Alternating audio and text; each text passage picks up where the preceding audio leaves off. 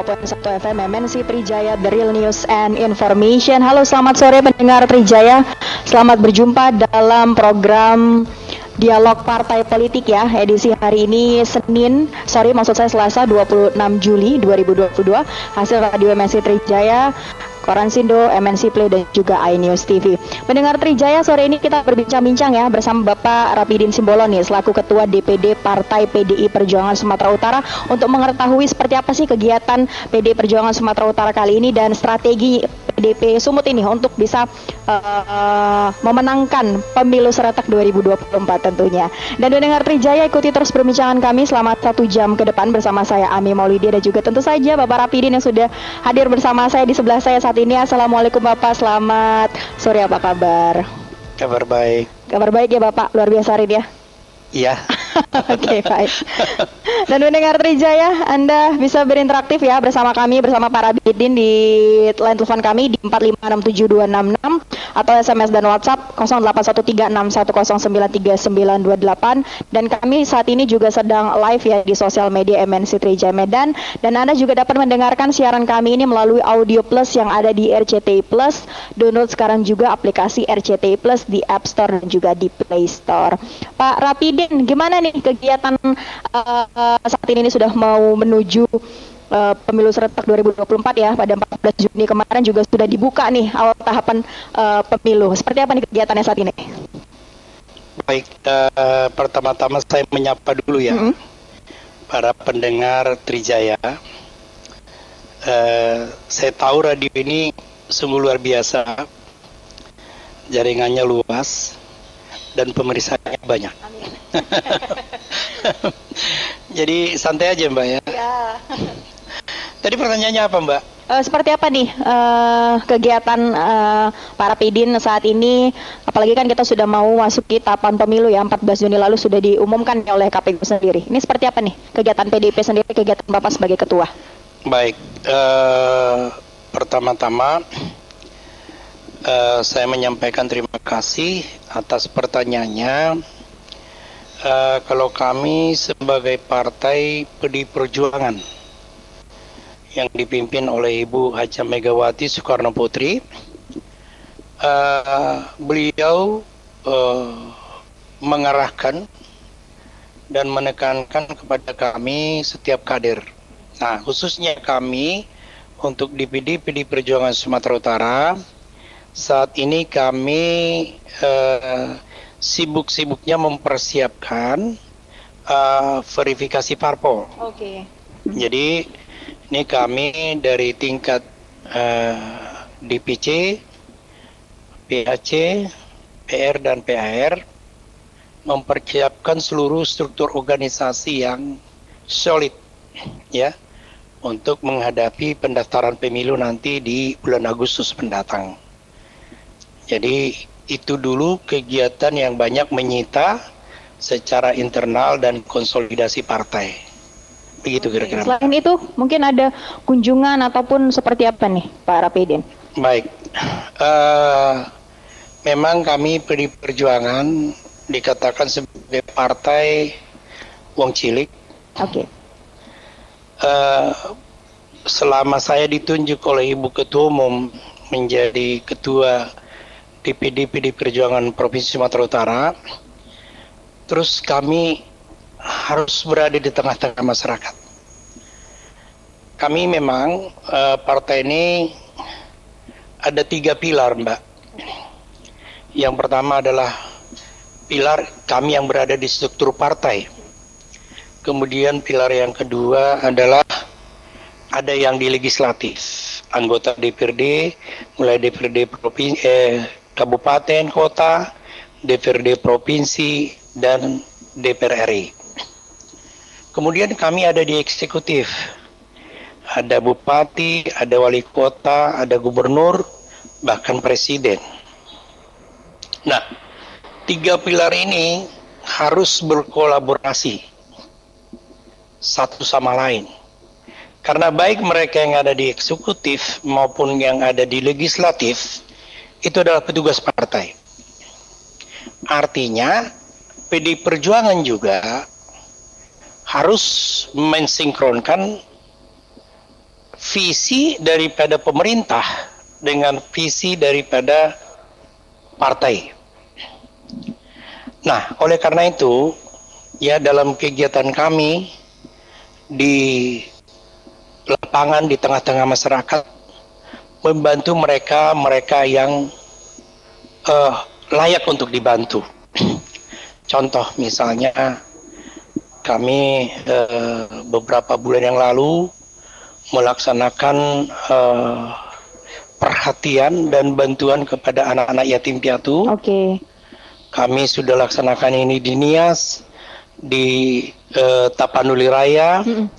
dan juga di daerah-daerah lain. Mm -mm. Kemudian uh, beberapa juga bantuan-bantuan ya berupa sembako. Kami juga melaksanakan ini di beberapa daerah. Dan setiap kita konsolidasi ke daerah pasti kita akan melaksanakan bakti sosial. Oke. Okay. Yang kedua, yang eh, berikutnya ya kemarin waktu hari raya eh, Idul Adha, Idul Adha mm -hmm. kami membagi eh, 46 untuk seluruh DPC eh, eh, kurban mm -hmm. berupa sapi. Okay. Dan itu diserahkan kepada uh, masyarakat-masyarakat yang membutuhkan masyarakat-masyarakat Muslim. Kami waktu itu roadshow ke uh, Tabaksel ya selama uh, lima hari untuk pemberian uh, hewan-hewan kurban ini dan juga untuk di kota Medan ini juga sendiri kami melaksanakan ke beberapa yayasan-yayasan atau pesantren dari uh, pesantren yang ada di kota Medan seperti Al hmm. ya, Al Waslia, hmm. kemudian uh, Jabal Nur dan sebagainya. Kemudian yang baru-baru ini saya baru pulang dari Samosir. Oh, Oke. Okay. Karena di sana apa tuh ada apa tuh di Samosir tuh Pak? di sana uh, ada musim kemarau yang mm-hmm. berkepanjangan. Oke. Okay. Sudah lebih dari dua bulan. Mm-hmm. Jadi kan Samosir ini kan banyak desa-desanya di pegunungan. Yep. Mm-hmm mereka tidak bisa biasanya mereka itu memperoleh air bersih adalah dari air hujan. Yep. Nah, uh, oleh karena itu kami turunkan dua mobil, kami uh, bersama Walubi mm -hmm. juga uh, gerakan nelayan dan tani mm -hmm. dari saya partai kami mm -hmm. dan juga Taruna Merah Putih melaksanakan uh, distribusi air bersih untuk seluruh okay. kawan Samosir. Ini kami rencanakan satu bulan ke depan mm-hmm. kalau hujan nggak turun. Oke baik, berarti itu salah satu ya. uh, bentuk kehadiran dari PDIP iya, tentu ya betul. untuk Itulah masyarakat. kehadiran daripada uh, partai ini di tengah-tengah masyarakat yang kami tetap peduli dengan masyarakat. Oke. Kira-kira begitu, Mbak. Oke, baik. Nah, ini ada hal yang menarik, Pak Rapidin, yang mengenai sedikit kita bahas mengenai ada kisruh elit politik nih di yeah. PDIP huh? di tingkat nasional. Ini um, mempengaruhi nggak sih untuk PDIP Sumatera Utara sendiri, Pak Rapidin?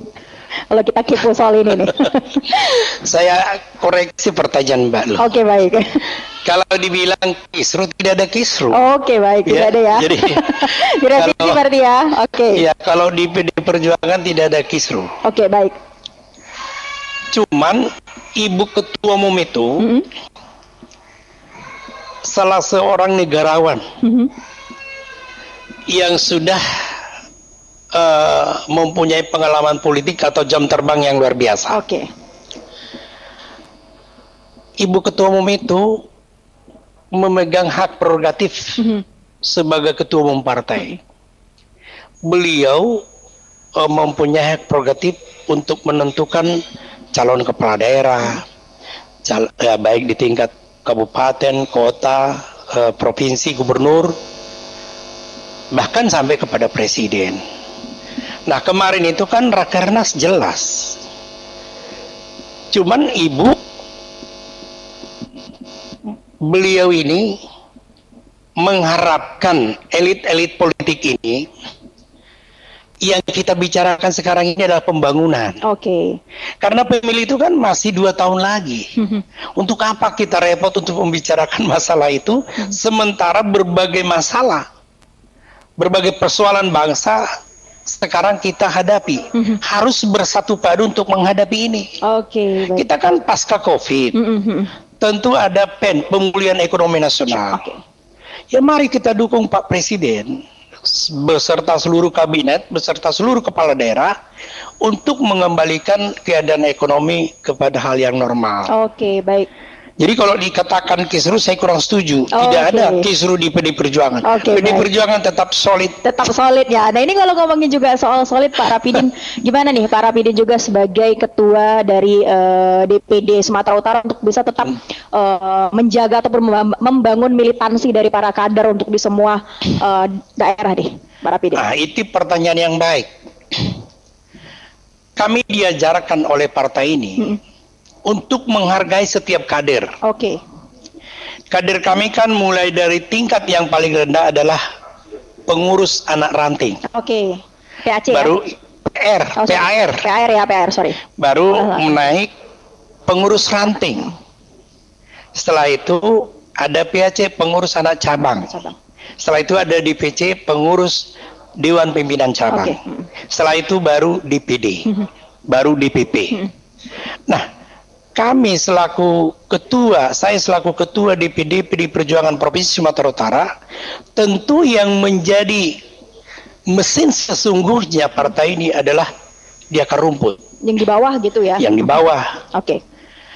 Mereka yang bertempur di tingkat desa, di tingkat kelurahan, bahkan di tingkat dusun. Mhm. mereka lah sebenarnya yang mengetahui secara real persoalan-persoalan masyarakat eh, persoalan-persoalan masyarakat di suatu daerah Di daerahnya barangkali. di daerahnya.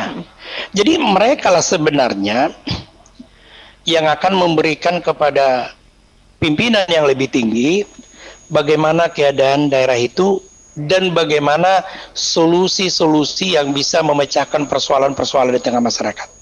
Seperti tadi misalnya, saya melihat kemarin di Deli Serdang ya, kami memberikan pupuk di sana secara cuma-cuma kepada para petani. Ada 100 orang dari 15 kelompok tani yang kami berikan pupuk satu sak per orang. Tentu ini juga mengingatkan pemerintah bahwa masalah pupuk ini, kelangkaan pupuk ini sudah menjadi isu nasional. Tentu kekuatan bangsa ini, kekuatan negara ini adalah bagaimana kalau petani ini bisa semangat di dalam bekerja sebagai petani. Karena mereka lah sebenarnya yang menyiapkan kebutuhan-kebutuhan pokok di tingkat masyarakat. Oleh karena itu, ya kami selaku partai yang pro rakyat, tentu kami harus eh, eh, menangkap isu-isu atau permasalahan-permasalahan di tengah-tengah masyarakat.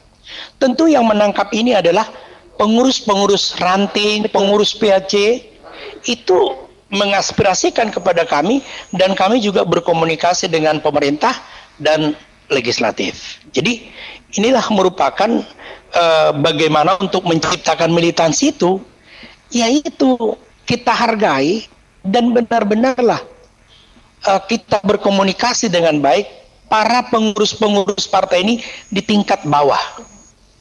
Jadi dengan cara seperti itu, saling memperhatikan dan saling menghargai dan menyemangati, terjadilah suatu kekompakan yang terjalin di dalam partai. Nah, tentu menjadi eh, hal yang sangat baik dan hal yang sangat memajukan partai ini bila kader-kader kita ini bergerak dari akar rumput. Kalau Gitu. kuat di bawahnya akan kuat sampai Ya, ke atas. pasti. Iya, Pak Rapidin ya. Pasti. Oke, baik. Nah, kita akan bahas ini seperti apa nanti eh, kriteria ataupun kaderisasi untuk eh, pemilihan legislatif 2024 dari PDIP. Tapi kita harus break sebentar, Bapak. Oke. Dan mendengar. Trijaya jangan ke mana-mana karena kami akan kembali sesaat lagi.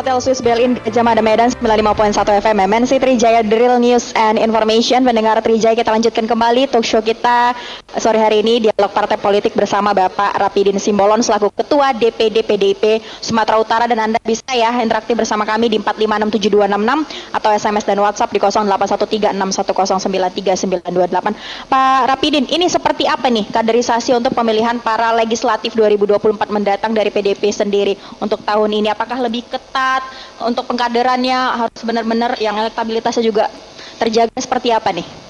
Uh, baik Mbak, memang PD Perjuangan ini lain dari partai yang lain. Oke. Okay. Kami mempunyai ciri khas tersendiri. Uh, Ketua Umum mengajarkan, mengarahkan kepada seluruh kader bahwa partai ini mempunyai ideologi yang kuat Pancasila dan Undang-Undang Dasar 45 serta Bhinneka Tunggal Ika dan NKRI. Tentu sejalan dengan itu di dalam hal pengkaderan ataupun menentukan calon-calon legislatif tentu yang pertama dasar yang dipenuhi adalah uh, bagaimana soal ideologi bagaimana soal uh, berbangsa dan bernegara, termasuk itu uh, menghargai perbedaan-perbedaan, kemajemukan, uh, dan juga bagaimana menatap masa depan bangsa ini ke depan. Tentu uh, partai ini yang merupakan uh, partai yang dibentuk oleh Ibu Megawati Soekarno Putri tentu tidak terlepas beliau sebagai putra sang proklamator. Dulu Bung Karno sebagai ketua PNI uh, tentu tidak jauh beda lah apa yang dikerjakan oleh PD Perjuangan sekarang ini.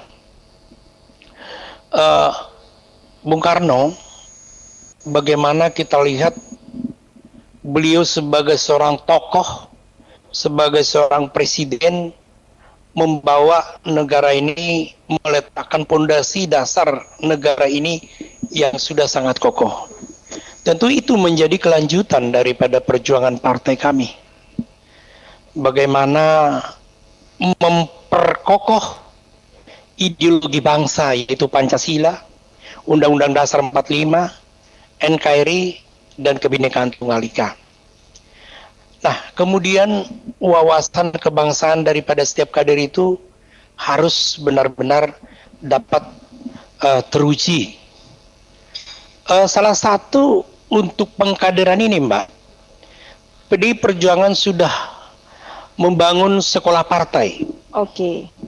Sekolah partai ini sekarang ada di Lenteng Agung dan lengkap semua jadi kalau misalnya nanti dari daerah DPC, DPD uh, untuk ada pelatihan-pelatihan di sana atau pendidikan-pendidikan kader itu nanti mereka tinggal di uh, sekolah partai itu.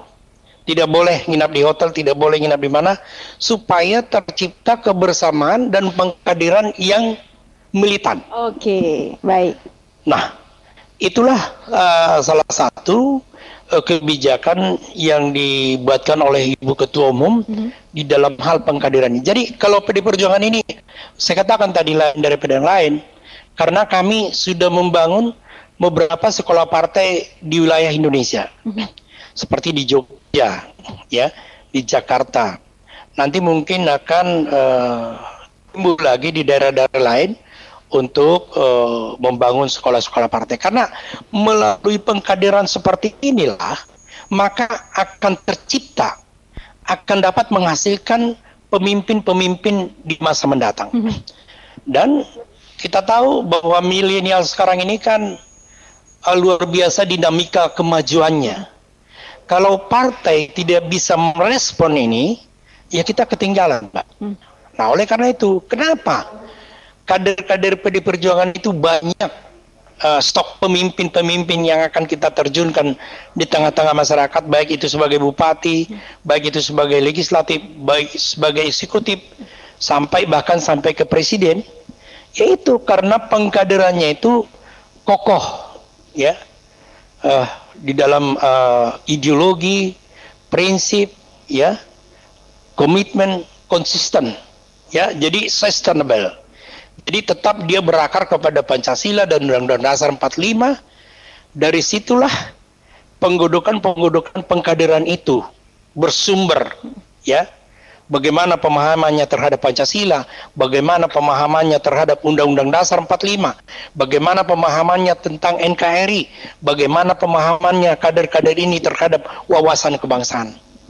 Nah, itulah yang menjadi uh, ya saya boleh katakan keunggulan kami itu digodok semua di sekolah partai Mbak. Oke baik, nah kalau kita juga ngomongin soal sekolah partai kemudian uh, pendidikan politik juga nih Pak Rapidin, yeah. ini kita tahu nanti di 2024 uh, menjadi salah satu eh, tahun di mana banyak pemilih pemula, tentu saja yang berasal dari kaum milenial, yang Betul. bisa kita bilang barangkali sekarang uh, mereka masih mungkin barangkali belum terlalu melek terhadap dunia politik seperti itu. Nah, bagaimana peran uh, DPD uh, PDI Eh, perjuangan Sumatera Utara ini untuk bisa memberikan pendidikan politik juga nih kepada kaum kaum milenial untuk bisa lebih aware terhadap perpolitikan apalagi nanti bisa jadi kader juga nih barangkali Pak Rapidin. Baik, terima kasih Mbak. Pertanyaan yang cukup bagus menurut saya. Uh, di partai PD Perjuangan ini ada juga sayap dan badan partai Mbak. Tentu seperti pesawat terbang.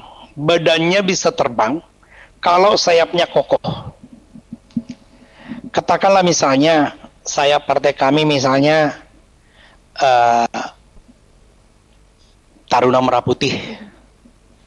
Kemudian ganti gerakan nelayan dan tani. Kemudian juga ada uh, Kemudian ada juga Banteng Muda Indonesia. Nah, ini Banteng Muda Indonesia ini merupakan salah satu saya partai yang bertugas untuk bagaimana mensolidkan konsolidasi bagi para milenial ini.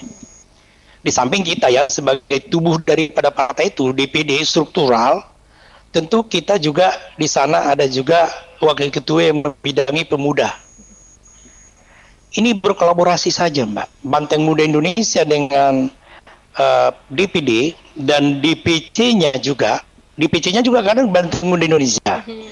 Nah, melalui kolaborasi kerjasama sinergitas daripada uh, badan dan sayap ini, kita akan meng-hire politik-politisi muda, kaum milenial. Ini salah satu uh, strategi kita nanti tapi di sini tidak perlu saya jelaskan. itu rahasia begitu ya. ya. itu rahasia. Itu rahasia partai. Bagaimana untuk menggait pemilih-pemilih awal ini, mm-hmm. pemilih-pemilih pemula ini. Mm -hmm. Ya, kaum milenial ini ya kami sudah mempunyai strategi khusus mengenai mm -hmm. ini, Mbak. Tapi berarti uh, eh, PDIP sangat melek ya terhadap kehadiran para generasi milenial untuk bisa menjadi penerus tentunya berarti gitu ya Pak Rafidin. Betul. Kalau saya turun ke daerah, mm -hmm. kebanyakan kaum milenial kaum milenial ini datang menemui kita, Mbak. Mm -hmm. Gimana sih uh, eh, PD Perjuangan ini? Karena gini, uh, pemimpinan daripada kader-kader kita, ya, katakan misalnya seperti Bapak Presiden Pak Jokowi yang diusung Partai PD Perjuangan Ibu Puan sebagai Ketua DPR RI. Kemudian ada juga uh, beberapa gubernur, wali kota. Ini kan semua gaya kepemimpinannya gaya kepemimpinan modern. Okay. Tetapi fokus kepada masyarakat. Jadi uh, tidak kalah berkreasi inovatif yang membuat kaum milenial ini tertarik. Oke. Okay. Seperti Pak Jokowi misalnya membuat uh, F1 ya yang di hmm. yang di apa? Yang di Jakarta. Jakarta dan di NTB. Hmm. Itu kan salah satu yang digandrungi oleh anak-anak muda. muda. Nah, ya kemudian ya seperti wali kota Medan Pak Bobi kemarin ini kan membuat ulang tahun Kota Medan sungguh luar biasa, banyak menarik simpati simpati daripada kaum milenial. Nah, ya kalau partai itu mau maju, ini harus bisa mengakomodir semua kalangan masyarakat, baik yang milenial, baik yang tua, baik yang lansia. Kita harus bisa menjawab tantangan ini, Mbak. Nah, tapi kalau rahasianya, strateginya nanti di 2004. Oke. Okay. Kita saksikan. Kita real nanti ya rilisnya 2024 iya, ya. 2024. Nggak boleh dari sekarang. sekarang. Jangan nanti diambil. nanti diambil orang nanti lain. Nanti diambil orang. Baik para ini sudah ada uh, interaktif yang masuk melalui WhatsApp. Saya baca dari Selamat sore Trijaya, saya Chandra Lim dari Medan Media Santoso. Mohon Pak Ketua mendorong anggota legislatifnya untuk menjalankan program wawasan kebangsaan kepada setiap konstituennya. Seperti sama seperti sama kita ketahui Pak, wawasan kebangsaan anak muda saat ini mulai tergerus oleh kemajuan zaman dan cenderung individual. Terima kasih saya terus para pidin katanya. Tanggapannya nih seperti apa para pidin? Terima kasih. Baik, terima kasih Pak. Siapa tadi? Chandra Lim. Terima kasih Pak Chandra Lim. Uh, sudah ikut nimbrung di Trijaya ini dalam uh, dialog politik ini. Uh, ya betul. Sekarang kan anak-anak muda uh, kita tidak pungkiri mereka itu biasanya single fighter dia. Main dewe aja, main sendiri aja. Uh, main sendiri aja. single fighter. Nah, justru itu, Mbak. Kami uh, di PDI Perjuangan itu yang kami bentuk salah satu Banteng Muda Indonesia. Mm -hmm. Bisa kita nanti uh, membuat suatu kegiatan-kegiatan yang dapat meng-hire jumlah-jumlah uh, kaum milenial ini dalam mm -hmm. jumlah besar dalam kegiatan-kegiatan yang bersifat kegiatan-kegiatan kemasyarakatan dan kegiatan-kegiatan pembangunan dan sebagainya. Tapi kan tidak boleh saya beberkan semua di sini. Pasti kalau itu kami sudah pikirkan ya bahkan uh, eh, DPP memerintahkan itu kepada setiap DPD sampai ke DPC. Jadi ini memang hal yang serius karena pertarungan nanti di 2024 adalah salah satu penentunya adalah kaum milenial, pemilih pemula. Nah, itu kira-kira Mbak. Oke, baik. Selanjutnya ada dari uh, Ruri di Medan. Selamat sore Pak. Kami ini ibu-ibu rumah tangga yang mengandalkan gaji suami agak kesulitan Pak mengatur kebutuhan rumah tangga. Mohon dorongannya buat anggota DPRD dari PDIP yang ada di kabupaten kota dan pusat untuk menurunkan harga kebutuhan pokok atau naikkan penghasilan karyawan Pak. Katanya curhatan ibu-ibu ini. Gimana nih? Uh, baik Mbak. Pasti kalau itu sudah merupakan fokus daripada pemikiran-pemikiran kita baik di tingkat legislatif dan eksekutif. Cuman kan kita ini pasca pandemi, ini kan seperti yang dikatakan oleh Pak Presiden kita, Pak Jokowi, eh, bahwasanya negara kita ini dalam posisi bertahan uh, untuk memulihkan ekonomi uh, pada saat pandemi kemarin. Ini kan pasca pandemi, mudah-mudahan tidak ada lagi uh, pandemi seperti ini yang melulantahkan seluruh ekonomi dunia. Nah, ini merupakan tugas berat daripada pemerintah sekarang ini. Bagaimana memulihkan ekonomi sehingga uh, pertumbuhan ekonomi akan tercipta di angka 5%. Ya, ini bukan hal yang mudah kalau pertumbuhan ekonomi itu, keadaan ekonomi sudah membaik, apa yang diharapkan oleh ibu-ibu tadi pasti akan terwujud, Mbak. Kita akan kembali gemilang, tapi kita memang harus bersabar. Tentu untuk menciptakan ekonomi yang kondusif akan mengadakan akan menciptakan juga stabilitas politik. Ini yang harus. Jadi stabilitas politik akan mendorong stabilitas ekonomi, pertumbuhan ekonomi akan semakin naik. Percaya deh. Oke, baik itu ya tanggapannya uh, Ibu Ruri dan pendengar Trijaya masih ada waktu Anda bersama kami ya di 4567266 atau SMS dan WhatsApp di 081361093928. Nah, Pak Rapidin ini kan dalam uh, pemilihan uh, di pemilu serentak 2024 tentu nggak bisa hanya kerja sendiri tapi perlu koalisi dari beberapa partai. Nah, ya. ini seperti apa dari PDIP uh, sendiri yang uh, pilihan kepala daerah termasuk untuk GUPSU nanti. Mungkin boleh kasih bocoran sedikit? Betul. Dalam rakernas kemarin PD Perjuangan kebetulan saya salah seorang uh, peserta. Mm -hmm. Ya, uh, di situ Ibu Ketua Umum mengatakan dalam pengertian koalisi ini Ibu lebih familiar menggunakan kata kerjasama. Oke, kerjasama ya. Ya, saya rasa saya juga sangat tertarik dan mengapresiasi dengan istilah ini. Karena gini Mbak, kalau koalisi ini kita terbawa kepada kepentingan masing-masing partai. Oke. Jadi seakan-akan kita ini didorong untuk transaksional. Oke. Itu sebenarnya yang membuat sistem perpolitikan ini tidak bagus. Apa-apa diukur dengan uang, apa-apa diukur dengan uang. Ini kita tidak sepaham dengan itu. Okay. Kalau dikatakan kerjasama adalah yang namanya kerjasama menciptakan suatu hubungan kerja yang baik antara partai yang satu dengan partai yang lain untuk menatap masa depan yang sama. Oke. Okay.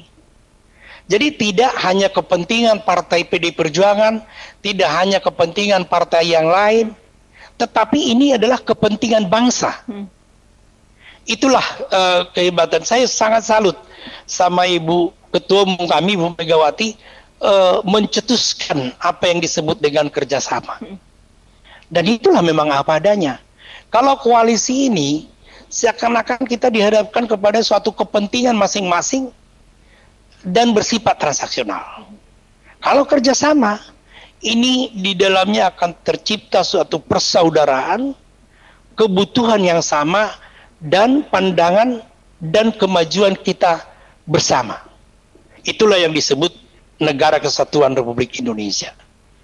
Jadi tidak lagi elit-elit politik ini yang bermanuver sana sini kan hanya untuk mencapai kepentingan golongan dan kelompoknya, tetapi kalau kita sudah di dalam suatu kerjasama yang baik, pasti kita akan menatap masa depan bangsa ini yang lebih baik. Oke, baik. Nah, ini kalau untuk uh, barangkali di GUP mendatang sudah ada belum nama-nama yang barangkali sudah dilihat-lihat nih sama di mana? Di PDIP Sumatera Utara sendiri dong tentunya. Oh, kalau itu pasti lah, Mbak. Okay. Pasti udah kita lihat, pasti udah kita nilai.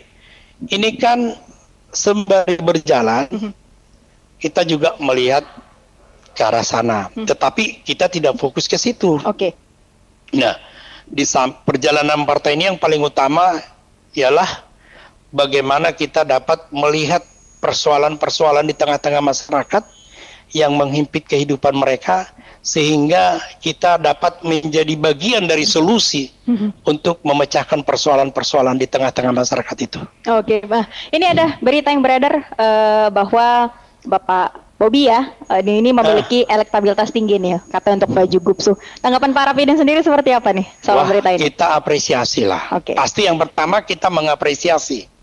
Nah, mudah-mudahan tetap Pak Bobi ini uh, mampu berkinerja yang baik, memimpin Kota Medan, kemudian menampung aspirasi-aspirasi masyarakat, bagaimana untuk memecahkan masalah-masalah Eh, persoalan-persoalan masyarakat yang berkembang di Kota Medan. Nah, kemudian uh, menjadi bagian daripada solusi. Ya, saya lihat uh, sudah mulai ada pergerakan pembangunan di Kota Medan yang dulu-dulunya ini kan stagnan. Kalau sekarang kan beliau lebih kreatif, lebih inovatif untuk mengembangkan Kota Medan ini uh, ke depan. Saya rasa uh, pemimpin yang bagus itu adalah bagaimana dia dapat memajukan kotanya atau daerahnya dan dapat mensejahterakan masyarakatnya. Ya mudah-mudahan kalau dikatakan elektabilitas Pak Bobi naik itu wajar dan saya sangat setuju dengan itu. Nah mudah-mudahan nanti ini bisa konsisten dilaksanakan oleh beliau di dalam uh, memajukan kota Medan ini. Ya syukur-syukur beliau bisa naik lebih tinggi lagi. Itu kan hal yang wajar. Oke, berarti dapat dukungan juga nih. Ya, itu kader partai kayaknya pasti lah. pasti dukung ya. Ya, pasti itu dukung. kader partai PD Perjuangan okay, yang mengusung itu, baik. yang mengusung Pak Bobi kan okay. PD Perjuangan. Tentu kami mendukung sepanjang uh, beliau memimpin Kota Medan ini berpihak kepada masyarakat, okay. terutama masyarakat-masyarakat kecil. Oke, okay. yang penting ya? poinnya itu ya, Pak Rafi. Ya. Nah, ini kalau kita tahu juga uh, di Sumatera Utara, Tapanuli Utara ini menjadi salah satu lumbung suara yang cukup banyak nih bagi nah. PDIP. Ini seperti apa nih, Pak Rapidin? Dan juga menciptakan lumbung-lumbung suara lainnya nih di daerah lain. Saya koreksi sedikit ya, Mbak sebenarnya lumbung suara PD Perjuangan itu bukan hanya Tapanuli Utara. Oke, okay, baik. Tetapi lebih dominan Tapanuli Raya. Oke. Okay. Tapanuli Raya itu ada empat kabupaten. Mm -hmm. Tapanuli Utara, Humbang Hasundutan, Toba, dan Samosir. Mm -hmm. Kemudian ada lagi eh, Tapanuli, ta, uh, Tapanuli Tengah, dan Kota Sibolga. Memang ini selama ini daerah ini adalah lumbung suara PDI Perjuangan. Tetapi uh, bukan hanya itu, Mbak. Sekarang Simalungun juga sudah menjadi lumbung suara PDI Perjuangan. Bahkan kalau saya katakan batu bara yang tadinya kita tidak menjadi ketua dewan di sana, sekarang PDI Perjuangan yang menjadi ketua dewan dan bupatinya di sana. Demikian juga dengan uh, wakil ketua dewan di apa? di Tanjung Balai. Ya, demikian juga di Labuan Batu. Jadi kalau dikatakan hanya Tapanuli Raya lumbung suara PD Perjuangan, oh tidak. Bagaimana kami dilangkat? Bagaimana kami di Binjai? Ya, tetap ada eh, kantong-kantong uh, suara kami di sana yang terus kami jaga dan kami rawat. Oke, baik, siap. Ini ada pertanyaan lagi yang sudah masuk dari WhatsApp dari Wisnu di Matapau. Sore Pak, sore Pak Rapidin menyimak dari penjelasan Bapak terkait kerjasama dengan partai lain. Apakah kondisi ini juga akan dilaksanakan untuk pemilihan presiden? Mengingat peraturan dari presidential threshold bahwa PDIP memungkinkan untuk maju sendiri tanpa kerjasama dengan partai lain. Wah, gimana nih Pak? Pasti kalau PD Perjuangan tidak pernah mengambil jarak dengan partai lain sepanjang uh, ideologi dan kesamaan pandangan tentang uh, terkait dengan ideologi, terkait dengan wawasan kebangsaan dan terkait dengan uh, NKRI. Ke partai mana pun sepanjang itu sesuai dengan uh, visi dan misi daripada PDI Perjuangan tidak masalah. Dan ya kita lihat waktu pemilihan presiden 2019-2024 itu pasangan uh, Jokowi dengan Ma'ruf Amin. Itu kan kita bekerja sama seluruh partai. Ada di sana Golkar ada Nasdem ada P3 uh, terakhir ini masuk uh, partai PAN Partai Amanat Nasional. Saya rasa dikatakan kalau ini jangan dikembang-kembangkan lah atau jangan menjadi uh, mengambil hal-hal yang negatif karena Partai PD Perjuangan ini bisa membawa sendiri pasangan calon presiden dan wakil presiden terus bahwa dicap kita ini wah ini karena udah bisa bawa sendiri tidak perlu lagi partai oh tidak. Tidak mbak. Tidak. Ini perlu saya garis bawahi bahwa kami membutuhkan teman-teman partai lain, katakanlah itu Golkar, katakanlah itu uh, P3, PAN, uh, dan sebagainya, sepanjang bisa melihat kepentingan bangsa ini dan masa depan bangsa ini yang lebih baik ke depan. Dan ibu, udah kita lihat Ibu Megawati sampai usia sekarang sudah sudah 75 lebih.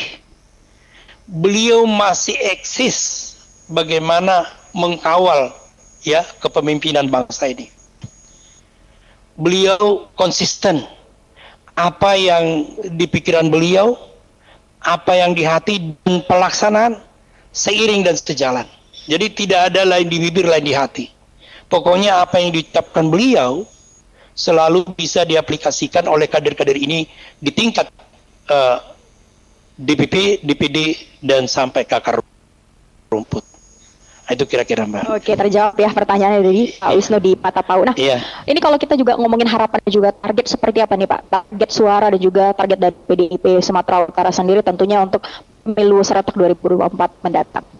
Memang uh, waktu rapat perdana yang saya pimpin di DPD PD Perjuangan Sumatera Utara, setelah saya uh, ditunjuk Ibu untuk memimpin uh, PD Perjuangan Provinsi Sumatera Utara, target yang kami buat memang agak tinggi. Mm-hmm. Jadi kami ingin uh, memenangkan pemilu ini untuk ketiga kalinya di angka 35 persen untuk Provinsi Sumatera Utara. Mm. Ya, uh, ini kan menjadi penyemangat dan menjadi motivasi bagi seluruh kader untuk meraih uh, target yang kita buatkan tadi 35 persen.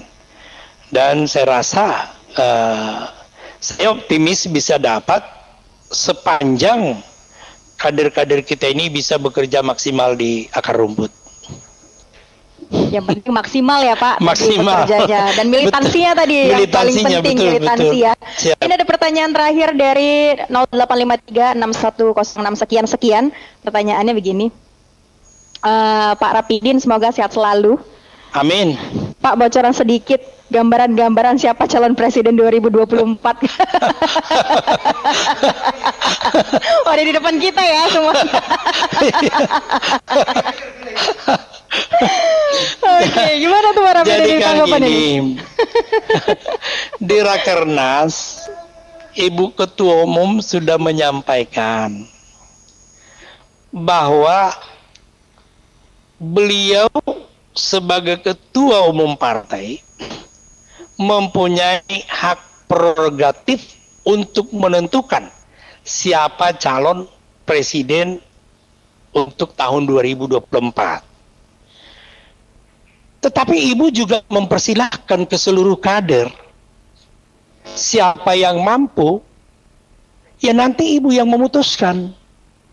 Ibu itu biasanya kalau memutuskan sebuah keputusan penting selalu berdasarkan hati nurani dan olah pikir dan menerima masukan dari seluruh kader-kader PD Perjuangan. Beliau itu sudah piawi lah, sudah cukup uh, sudah cukup uh, matang sekali lah sebagai salah seorang tokoh nasional, ketua umum partai di dalam memutuskan kepentingan dan kebutuhan bangsa untuk hari-hari yang lebih baik untuk bangsa dan negara ini. Oke. Jadi nggak usah khawatir. Nggak usah khawatir ya. Gak usah. Tinggal lihat aja nanti rilisnya seperti Tinggal apa. Tinggal lihat aja nanti. lihat aja nanti rilisnya seperti apa. nah, Pak Rafidin kita udah satu jam ini ngobrol-ngobrol di. Gak terasa ya. Iya di dialog bincang partai politik ini. Sebelum mengakhiri ada closing statement apa nih? Closing statement untuk apa? Mendengar uh, ya? Jadi ini juga saya sampaikan uh, dari uh, Rakernas PD Perjuangan ya kita fokus bekerja untuk membantu pemerintah hmm. untuk mengatasi persoalan-persoalan bangsa, terutama uh, pemulihan ekonomi secara nasional.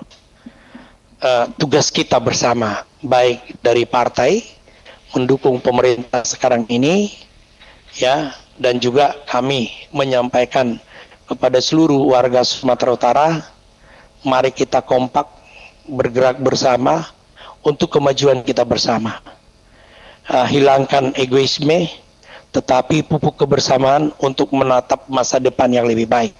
Dan khusus kepada rekan-rekan kami, rekan-rekan juang, kader-kader partai PDI Perjuangan Sumatera Utara, solid bergerak, rapatkan barisan, perhatikan persoalan-persoalan masyarakat uh, di daerahnya masing-masing, hal-hal apa yang perlu dikomunikasikan dengan DPD dan DPRD dan pemerintah setempat uh, dipersilahkan untuk uh, menyelesaikan persoalan-persoalan ataupun masalah-masalah di tengah-tengah masyarakat.